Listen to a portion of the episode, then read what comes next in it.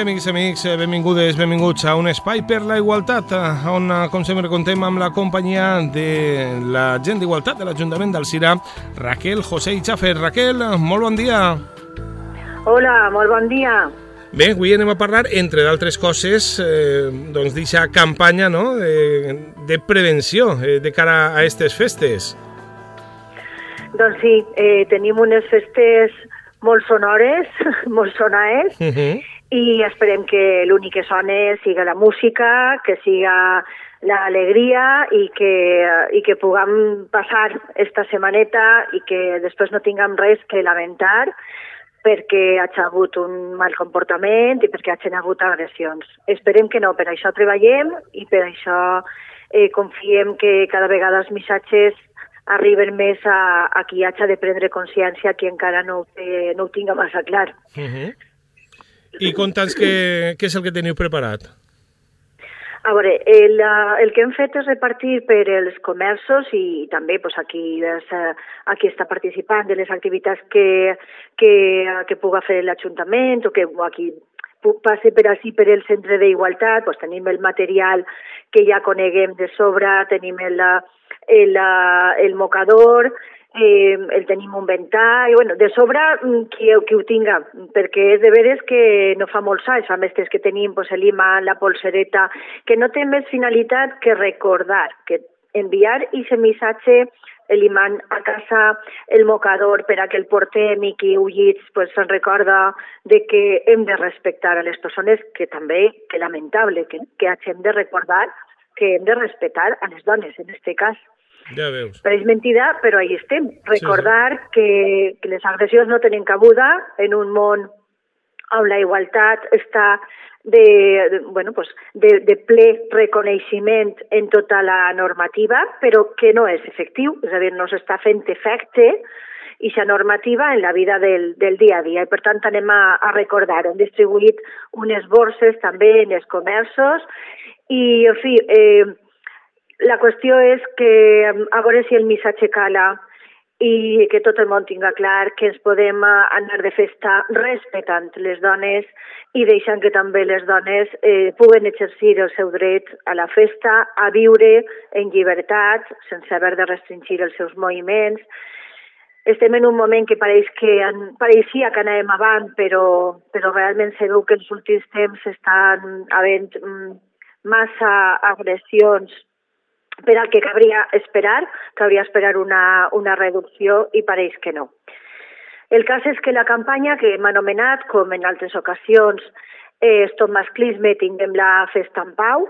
Eh, L'Stop Masclisme és perquè eh, tot el que ens estem trobant, totes les agressions, tot l'intimidar, eh, l'assetjar a les dones ve donat per aquesta eh, idea de lo que és el ser un machito, eh, xa, que, que afortunadament eh, va sent residual, però ja veiem que no és tan residual com per a que no continuï agredint-se. El, el perquè de la campanya és així d'evident. Alguns homes joves o no, i, i no, que no s'ha escarot a ningú, no, tots els homes no són... Efectivament, ningú diu que siguin tots els homes, però el que està clar, claríssim, és que qui agredeix són homes. No n'hi ha ningú dubte. I aquí agredeixen a les dones. Per tant, hem de replantejar-nos què està passant, hem de repensar com s'està encara socialitzant els homes en aquest poder, en aquest estatus de jo així puc fer el que vull, i no socialitzar, sinó tot el que acompanya. Hi ha altres elements que estan incidint en que, en que en lloc d'avançar cap a la igualtat i el respecte anem arrere. Quan ja pareixia que, que anava entrant un poc en la testa que diuen en italià, que, que ni sent la teua parella, ni sent la teua muller, ni la teua nòvia, pots obligar-la a fer res sexualment que no vulga, bueno, a fer res que no vulga en general, però resulta que no, que, que, que quan no és la meva parella eh, i, i ja no vull ni pensar en qual és la pròpia parella, m'aixia que avançaven, però resulta que no, que, que continua havent un sector de la població, un sector d'homes, que continuen pensant que tenen dret a fer el que vulguin en les dones que se troben per el carrer o les dones que estan en contextos festiu i continuen veient-les com un objecte al seu, al seu servei. És prioritari que se prenga consciència de no tolerar cap comportament masclista a l'entorn social. Per què? perquè això no és de repente, això no és que a, una, a un home li se creuen els cables, era això de les excuses que se dia i que se continua dient de cara a justificar el comportament de maltractament dels homes cap a les dones, no li se creuen els cables a ningú. El que fa eh, alguna cosa d'estes és perquè la persona ja té aquesta mentalitat de que pot fer, vull dir, que les dones estan en una posició d'inferioritat i per tant ell pot fer ús de la seva superioritat de cara a elles. I és necessària la condena social perquè si l'entorn social no ho rebutja, difícilment la persona prendrà consciència de que el seu comportament és intolerable, inadmissible. La condena legal, imprescindible, naturalment. Però aquesta condena social fa falta, fa falta la condena del seu entorn. Però a la primera de canvi, és a dir, al més mínim comportament, al més mínim comentari, al més mínim xuleria davant d'una dona o el més...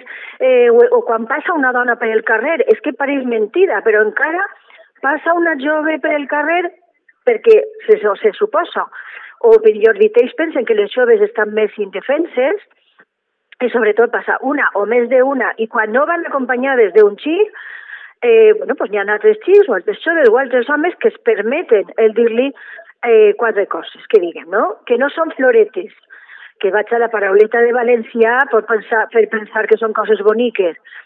No són mai coses boniques si jo no he donat permís per a que me les diguen per més que me diguen que estic guapa, per més que me diguen que tal, si jo no t'he donat permís, tu estàs invaint la meva intimitat, estàs invaint el meu espai personal, m'estàs invaint la meva vida quan jo vaig pel carrer i a tu no t'he dit ni guac, no t'he dit ni pia, no t'he mirat, no t'he dit absolutament res, perquè no te conec. Per tant, ningú t'ha donat dret a que tu me digues a mi el que penses de mi encara que sigui una cosa positiva, que mai serà positiva perquè m'ho estàs dient sense el meu permís i damunt, si és una qüestió física, pues, escolta, el meu valor no està en el meu físic. Ahir ja toquem una altra temàtica i és que jo no sóc millor persona ni val més per ser més guapa. El cas és que han de saber que això no es tolera. A més de les agressions sexuals, vivim també comportaments xulescos i intimidatoris. I i en aquestes festes cal, cal dir-ho i cal recalcar-ho, perquè així es nota també, eh, en particular en el carrer, amb la peculiaritat de, de que vivim, esta festa se viu molt al carrer, no estem com quan eh, montem el Punt Violeta en els concerts, eh, és un recinte tancat, per exemple, esta festa se viu molt al carrer i per tant eh, hi ha més probabilitats i més ocasions en els que eh, qui no respecta les dones pues, troba dones en el carrer, naturalment, a les que ell pensa que pot intimidar o assustar. assustar. Eh, eh, ell si creu que així és més home, en absolut, naturalment. Eh, sent que té el poder? Sí, té el poder. Per què? Perquè, evidentment, ella s'assustarà, ella se sentirà intimidada davant del comportament d'ell. Per tant, això ell li farà sentir a ell molt home? Sí, ho és? No és un mamarratxo i podríem dir més coses, però és un indesitjable perquè està intimidant a una altra persona. En aquest cas és una dona, però donaria igual que fos una dona o un home. No té absolutament ningú dret a fer això. Aquesta idea del poder sobre altes amb la qual amb el, les societats encara eduquen i socialitzen els xiquets i els xiquets se fan majors i després mostren aquesta educació faltant al respecte a que tenen al seu voltant i en particular a les dones en falles. Què passa en falles? Hem de pensar que les falles no és una qüestió que forma part de la naturalesa humana, com no ho és ninguna manifestació cultural ni festiva no forma part de la naturalesa humana el, el, uh, bueno, pues el estar eh, muntant uns monuments, el estar fent unes festes, unes mascletades, tot això és cultural. No estic dient que no es faça. El que tenim que pensar és que és una creació humana no és inamovible, és a dir, de vegades pareix que aquelles coses que hem après des de que hem nascut, com que formen part de la naturalesa com algo inamovible, que ha d'estar ahí, no dic que es lleve, faltaria més. Eh, L'únic que dic és que hem de pensar que és una creació, i com a tal creació ningú diu que s'ha de d'esta manera o de l'altra, més que les pròpies persones que estan dirigint, fent i creant. Eh, vull dir en això que n'hi ha una temàtica que, que pareix mentira, que també continua passant. Eh, el com s'utilitza el tema dels coers per a intimidar també a les dones i a les, i a les joves. No forma part de la naturalesa humana que mos agrada les mascletades. A mi m'encanten, ho tinc que dir. Però no forma part, no és natural que mos agraden com a espècie humana sorolls forts que fan retombar, perquè això és signe d'alarma, de perill. D'acord? Que passa és que ho vivim com ho hem creat, ho estem veient, ho ho deslligem del perill, perquè, perquè estem en una societat que té molt de cultura i ja menys de natura, pues això ho hem interioritzat com algo que forma part de la nostra vida i a qui li agrada, perfecte. Però què passa? Que a qui no li agrada, a qui no li agrada no pot eixir al carrer. I ja no per el soroll, sinó perquè també continuem veient com xiquets joves i no tan joves continuen usant els coets per a assustar les xiques. És mentida, però així no és. Eh, el, passa una xica o passa un grup de xiques i aprofite per a tirar el coet, li tira el coet damunt per a que, per a que assustar-la. Jo estic, així i jo sóc l'amo del món i per tant eh, intimide, assuste i aprofite per a sentir-me jo més xulo i dic que no? Les he assustat, mira que guai que sóc. Bueno, pues això no és ni natural ni ni ha de ser. Evidentment no n'hi ha dret a que n'hi haguen dones i a que n'hi haguen joves que no puguen eixir de casa o que hagin de fugir en falles. Si la festa ha de ser per a tot el món, tot el món ha de poder gaudir de la festa sense tindre por als coells. Està clar que n'hi ha unes despertades, que n'hi ha unes, uns moments en els que se pot evitar, però el que no pot ser és que una dona no pugui eixir al carrer en ningú moment del dia. No, les festes són per a tot el món. I per tant, bueno, no, jo no conec eh, no conec tant millor la realitat, es pot haver algun home que li assusten els coets, naturalment que sí, però aquest home podrà anar tranquil perquè no n'hi haurà ningú que diga anem a tirar-li un coet a este home a veure si l'assustem. No passa. Això no li va a passar. Per tant, és absolutament injust que les dones continuen seguint aquest objecte de eh, la intimidació dels xics, o dels homes, o dels joves, o dels xiquets. Eh, això per una part. I a, a més això és una mostra clara de poder.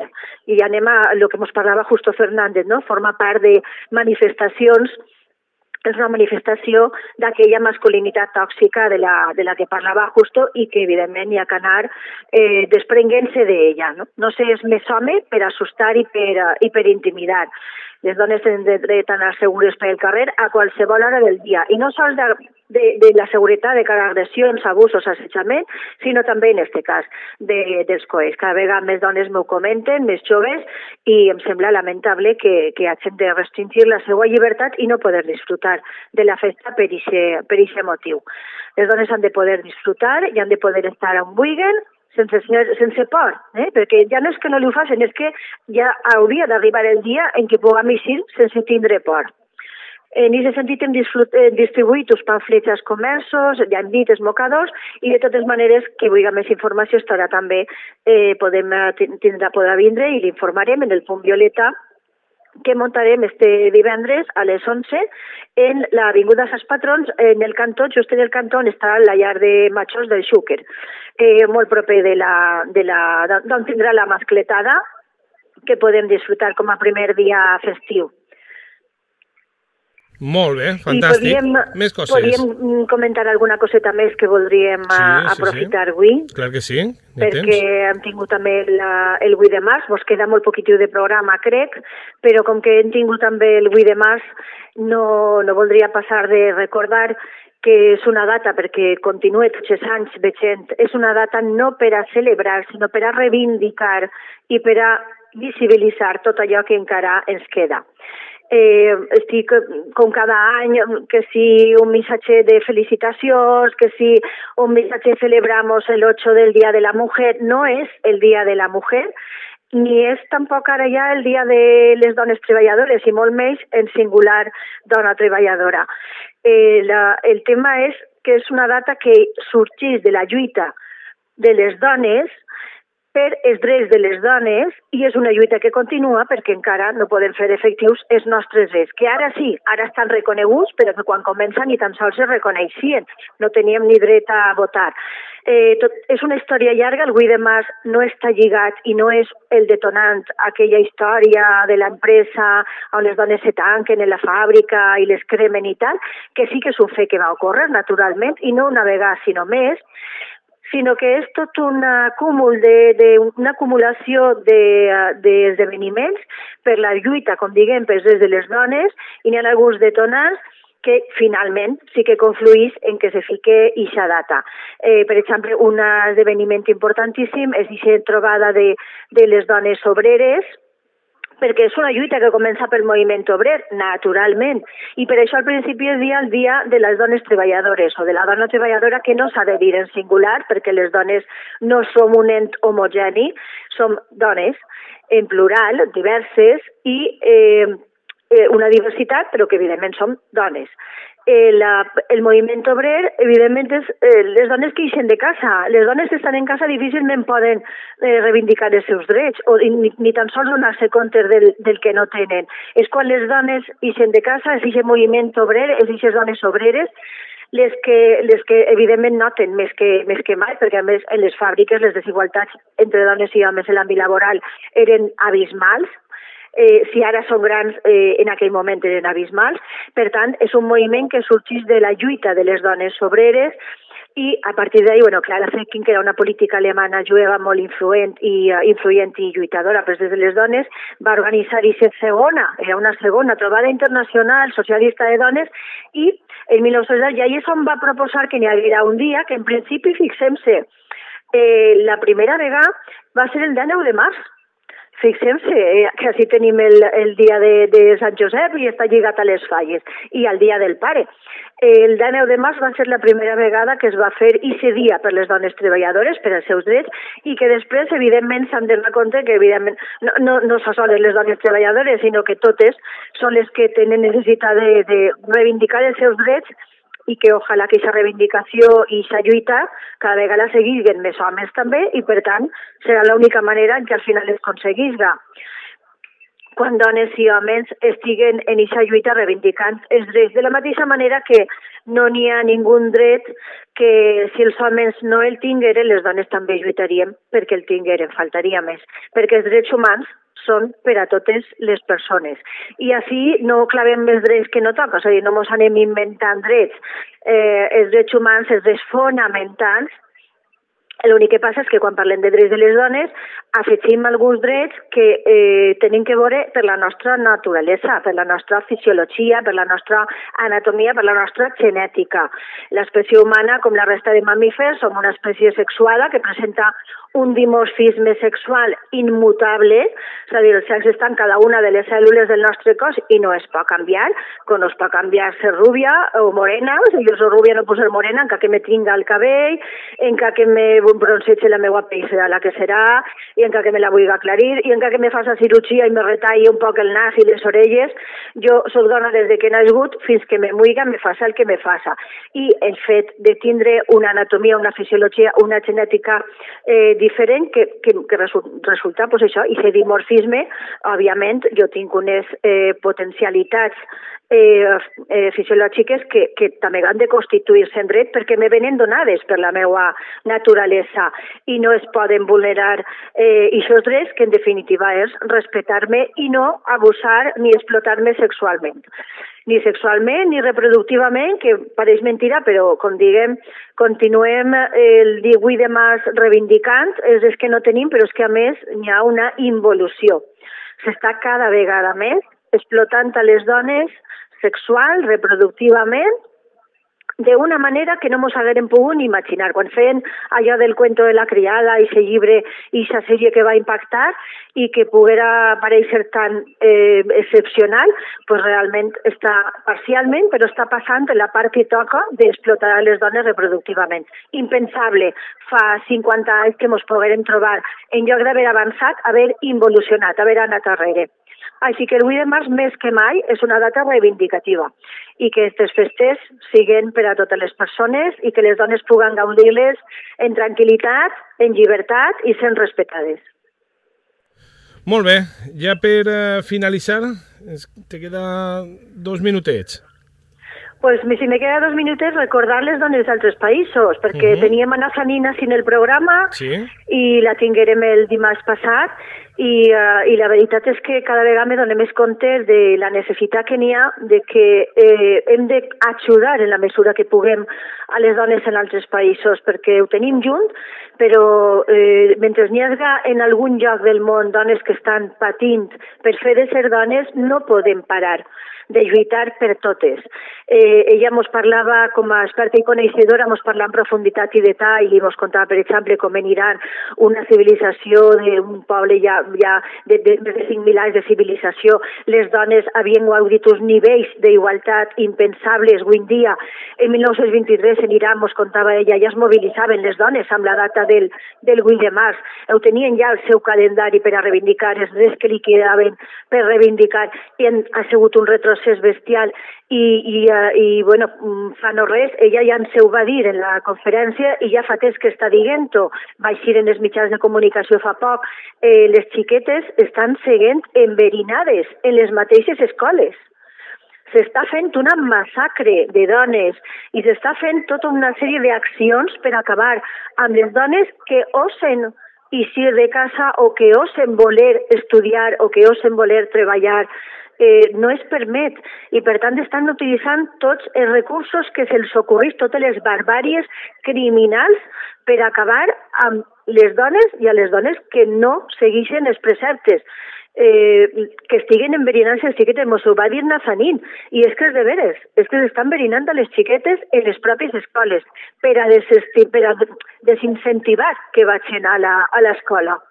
Això no es pot permetre i des de tots els països hem de fer el que siga possible i naturalment són eh, els estaments polítics els que han de prendre mesures contra això. Una autèntica barbaritat, sens dubte. Molt bé, sí. Raquel, no us queda temps per a més. Moltíssimes gràcies i a passar unes bones falles. Recordem aquest punt violeta el eh, divendres a les 11 del matí. A les 11, sí, estarem en l'Avinguda Luis Sunyer. En l'Avinguda Luis Sunyer, perfecte.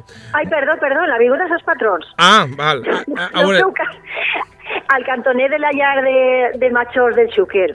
Val, perfecte, molt bé. Moltíssimes vale. gràcies. Gràcies a vosaltres. Adéu, bones falles. Igualment. Nosaltres posem així el punt i final. Tornem eh, el pròxim dimecres a partir de les 10 i mitja amb més espai per la igualtat. Adeu.